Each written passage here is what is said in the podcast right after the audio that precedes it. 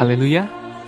Pendengar yang terkasih dalam Tuhan Yesus di mana pun Anda berada, damai dan sukacita menyertai kita semua.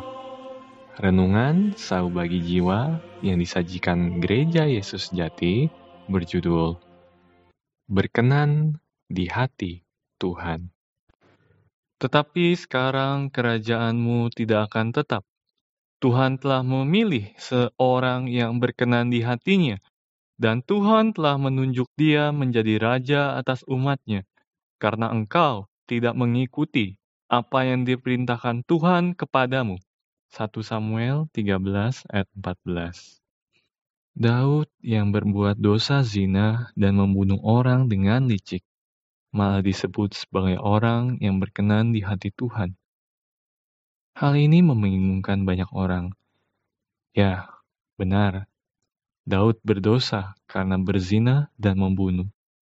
Tidak diragukan lagi dia sungguh termasuk orang jahat. Tetapi Daud telah menyadari dirinya berdosa. Dia segera bertobat, mengakui dosanya kepada Tuhan. Dia tidak berdebat membela diri. Dengan sikap tulus, dia menghadapi kesalahannya.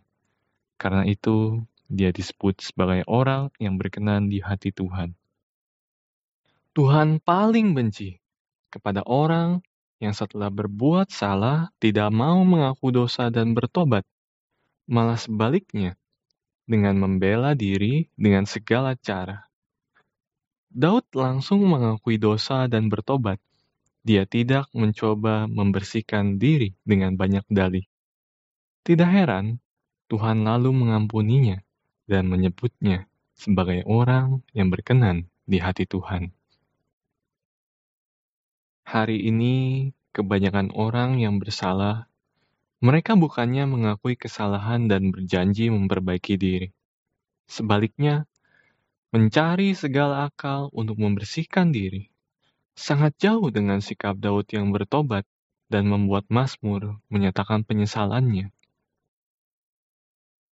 Sebab aku sendiri sadar akan pelanggaran. Aku senantiasa bergumul dengan dosaku.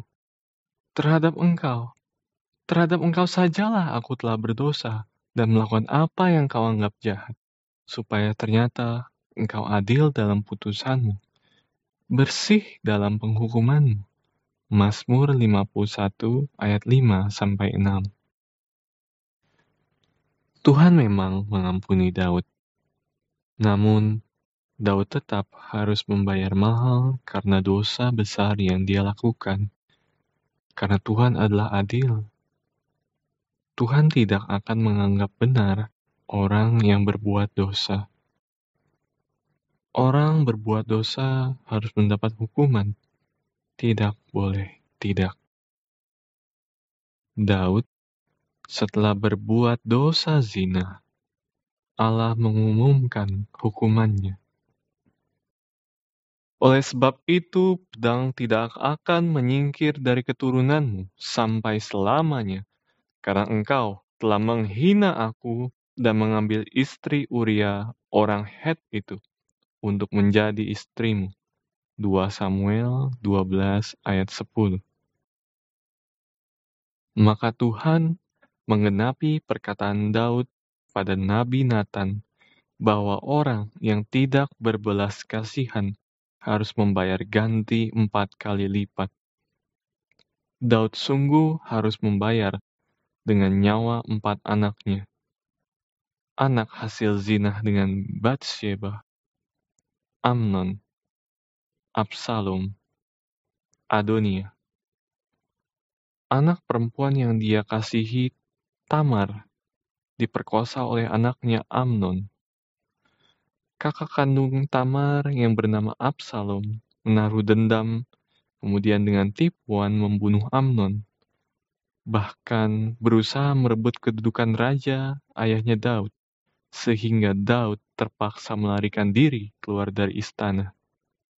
Tuhan berfirman, Sebab engkau telah melakukannya secara tersembunyi, tapi aku akan melakukan hal itu di depan seluruh Israel secara terang-terangan.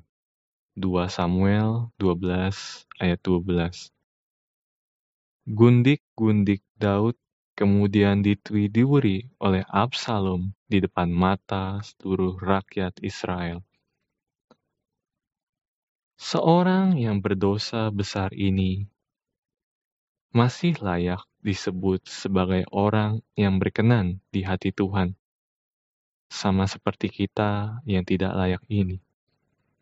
Tuhan tetap memilih kita sehingga menjadi umatnya. Janganlah kita hanya menghakimi Daud saja. Sebaliknya, kita harus bersyukur kepada Tuhan yang penuh kasih sayang, karena kita sama seperti Daud adalah tidak layak tetapi kita sama-sama menerima kebaikan besar dari Injil. Tuhan Yesus menyertai kita semua. Amin.